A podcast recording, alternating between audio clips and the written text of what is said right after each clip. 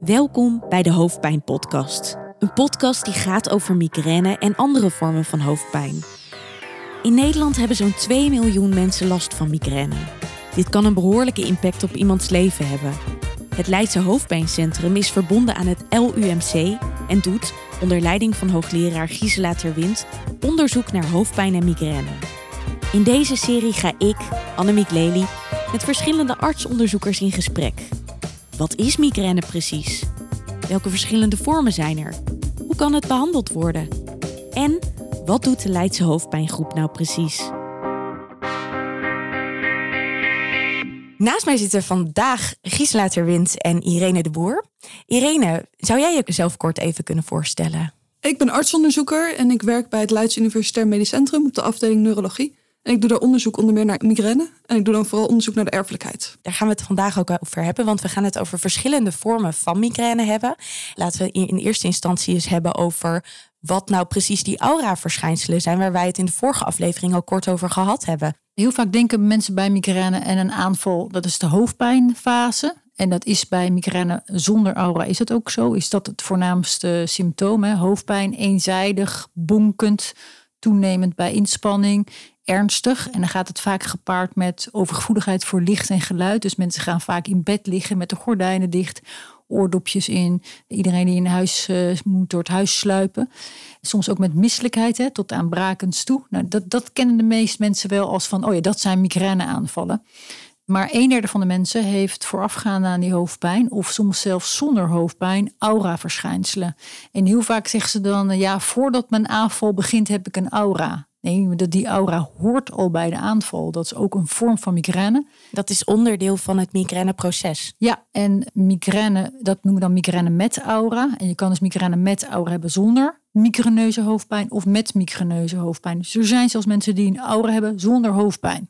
Ah, want microneuse hoofdpijn, dat betekent echt dat bonkende, ja. die hevige hoofdpijn die anders is dan andere hoofdpijnen waar we het in de vorige aflevering over gehad hebben. Ja, en we hebben het in de vorige aflevering een beetje gehad over de oude verschijnselen die Thomas ook heeft met problemen met spreken.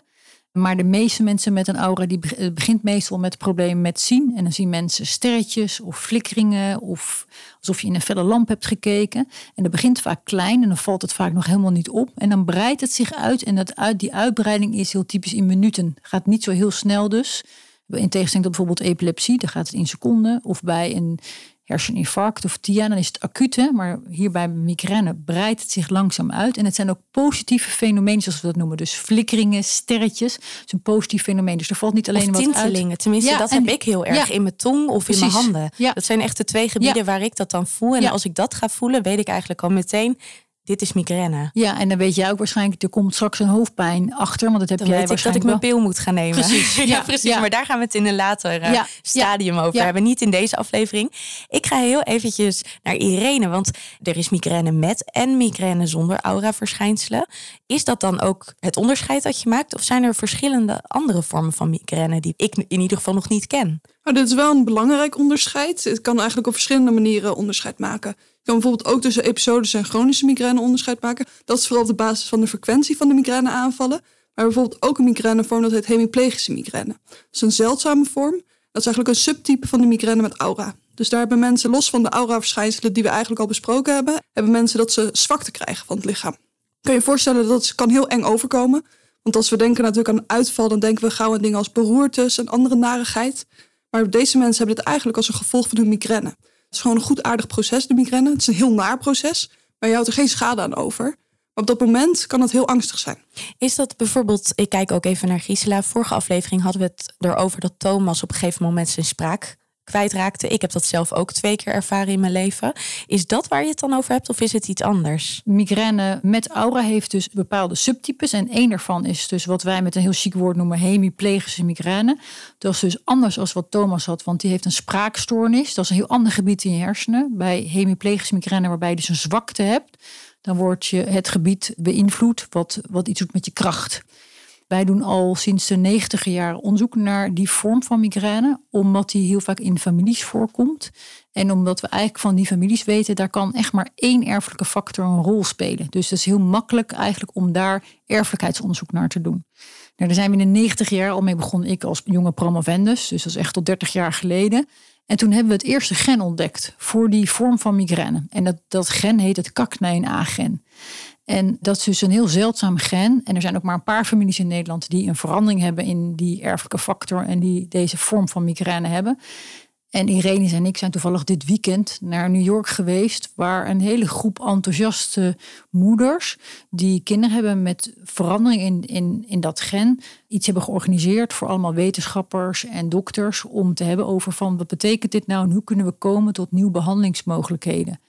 En het was natuurlijk super cool dat die moeders met kinderen die hier last van hebben, en soms hebben kinderen ook nog hele andere verschijnselen bij. Hangt heel erg af van wat voor type mutatie, als dat heet, verandering in dat gen hebt. Dus er zit ook andere ziektebeelden bij. Maar het was dus heel cool om naar New York te gaan, naar die club met mensen die allemaal bezig zijn om uit te zoeken wat dat gen dan precies doet en hoe we daar nieuwe behandelingen voor kunnen maken voor deze speciale vorm van migraine. Dat lijkt me voor jullie heel inspirerend en zeker ook dat die ervaringsdeskundigen aanwezig zijn. Hebben jullie daar ook al concrete richtingen uitgehaald waarvan jullie zeggen van nou dat is nou echt iets wat voor ons verhelderend was? Waar we mee verder zouden kunnen. Nou, het was echt een heel verhelderend congres. Het was echt heel nuttig. Ik denk dat ook vooral de combinatie van de mensen die aanwezig waren, dat was heel nuttig. Van eigenlijk van alle laagjes van de ontwikkelingen. Van bijvoorbeeld de medicijn waren er wel mensen aanwezig. Is echt super nuttig. En een van de dingen waar we eigenlijk al snel tegenaan liepen, is dat gewoon de klinische beslisvorming eigenlijk heel erg lastig is voor deze patiënten. En dat daar nog echt wel heel veel winst te halen valt. En dat is nog los van een nieuwe behandeling. Is eigenlijk met wat de riemen die we al hebben, is het heel goed om alvast nog eens te kijken van hoe krijgen we dat alle neuzen dezelfde kant op staan en dat al deze patiëntjes goed geholpen kunnen worden. Die klinische beslisfase waar je het net over had, wat maakt die nou zo ingewikkeld? Nou, zoals we net al besproken, deze mensen hebben zwakte, dus hebben krachtverlies en dat kan een heel eng moment zijn. Want op dat moment is er dus gewoon een verschijnsel wat we eigenlijk in ons hoofd linken aan een beroerte. Dus als deze mensen op de eerste hulp worden binnengebracht, gaan bij alle artsen meteen de belletjes af. Oh, we moeten hier iets doen, er is hier een acuut moment. En hemiplegische migraine, dus die zeldzame vorm, staat dan niet altijd helemaal bovenaan in het lijstje. En ook al wel is de diagnose gesteld, dan is er nog oneenigheid wat is nou de beste behandeling. Dus dat zijn eigenlijk meerdere beslismomenten. Eerst moet het herkend worden. En je moet natuurlijk ook uitsluiten dat het iets anders is, want het is natuurlijk niet altijd hemiplegische migraine. En al die kleine beslismomentjes, daar kunnen artsen in geholpen worden dat ze de goede, of in ieder geval de beste keuze op dat moment maken. Hoe kan je dat herkennen? Doe je dat door middel van een hersenscan? Doe je dat door bijvoorbeeld de momenten waarop iemand daar last van krijgt te monitoren? Nee, nee dus er is eigenlijk maar één uh, goed uh, middel om uh, de diagnose te stellen. En dat is aantonen dat het gen dat cacneen-agen een rol speelt. Dan heb je de diagnose. En alle rest is eigenlijk om uit te sluiten dat er iets anders engs aan de hand is.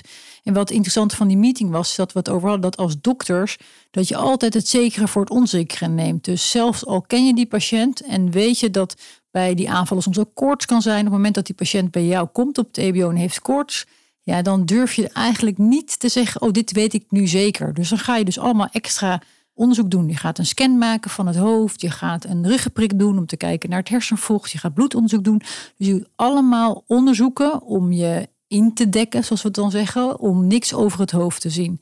En een van de dingen die wij nu besproken hebben is, ja, dat is misschien helemaal niet de juiste weg. Laten we nu vooral een document maken met z'n allen, welke stappen je thuis kan doen als patiënt en als familie, zodat je de patiënt gewoon thuis kan houden en de familie wel weet welke acties kunnen ondernemen, bijvoorbeeld door bepaalde medicatie op dat moment wel te geven omdat we ook aan patiënt uit moeten leggen, ja, als zodra je naar het ziekenhuis komt, ja, dan kunnen wij niet anders dan al die andere enge dingen uit te sluiten. Want dat vinden we dan heel eng als dokters. Dan ga je eerst onderzoeken in plaats van direct behandelen. Nou, wij vinden als dokters ook als we die mensen zien en we kennen ze, vinden we het toch heel eng als het gebeurt. Ken je nagaan als wij het al eng vinden.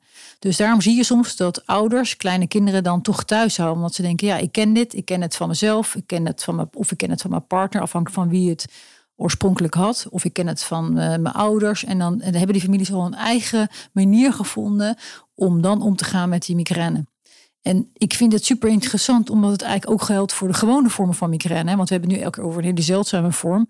Maar ook voor gewone migraine geldt eigenlijk dat je beter thuis kan blijven met een aanval. En niet naar de EBO kan gaan. Want zodra je op de EBO komt, dan raakt iedereen toch een beetje in paniek. Want je hebt hoofdpijn en is het wel of niet acuut begonnen. Dus voor je het weet krijg je er ook allemaal onnodige scans, onnodig onderzoek onnodige medicijnen. We hebben nu net een onderzoekje gedaan waaruit blijkt dat uh, toch 13% van de migraine mensen morfine krijgt, terwijl het niet werkt voor migraineaanvallen.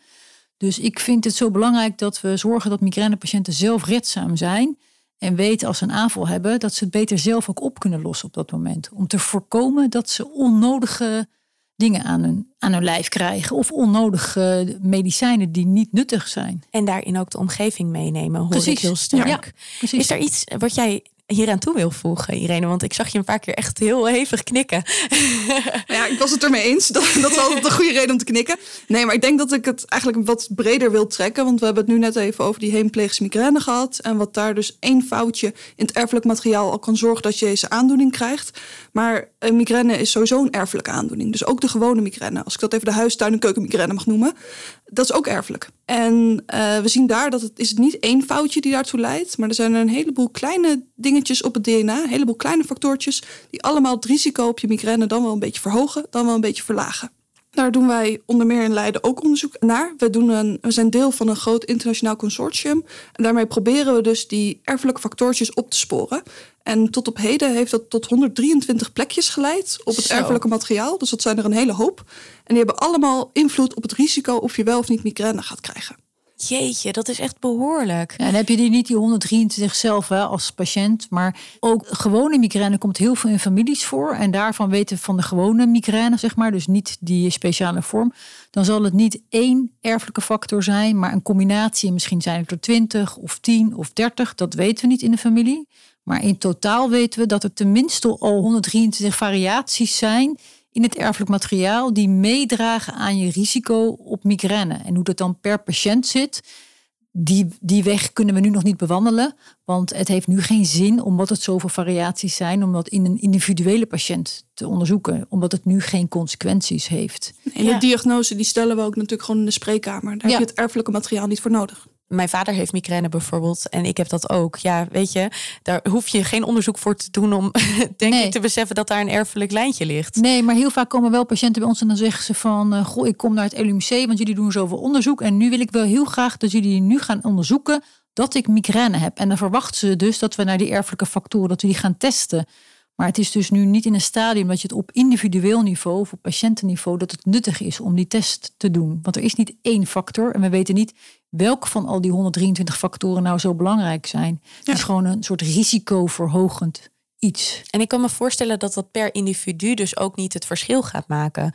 Dat als je weet op een gegeven moment, oké, dit zijn de factoren. Maar voor jullie als artsen, als onderzoekers, maakt het wel uit om er onderzoek naar te doen om op een gegeven moment specifiek iets te kunnen zeggen over migraine. Zeg ik dat goed zo? Ja, Nou, dat is wel, vind ik wel een mooie manier om te omschrijven. En hoe je het een beetje kan zien. Het is natuurlijk, we weten nog heel veel niet over migraine. Gelukkig weten we een heleboel al wel. Maar er is nog een heleboel wat onduidelijk is. En wat we bijvoorbeeld bij deze erfelijke factoren zien, is dat we moeten zoeken naar de systemen die met de hersenen te maken hebben en de systemen die met de bloedvaten te maken hebben. Dus dat leren we uit de genetica, uit de erfelijkheidsstudies. We doen hele grote erfelijkheidsstudies. Die gebruiken we dus om die kleine factorretjes te vinden, die allemaal een klein beetje het risico verhogen. Maar uiteindelijk doen we deze studies om behandelingmogelijkheden te vinden. Dus we zoeken naar aangrijpingspunten die we kunnen targeten, zodat we migraine beter kunnen behandelen. Denken jullie dat er ooit ook daadwerkelijk ingespeeld kan worden op deze erfelijkheidscomponenten? Denken jullie dat er op een gegeven moment misschien wel door operaties, misschien wel door medicijnen of andere vormen van interventies voorkomen kan worden dat iemand migraine Ja, krijgt? Ik denk zeker dat daar kansen liggen. En dat zien we nu ook. Sommige van deze kleine factoren die we al gevonden hebben, die zijn al betrokken bij de behandeling.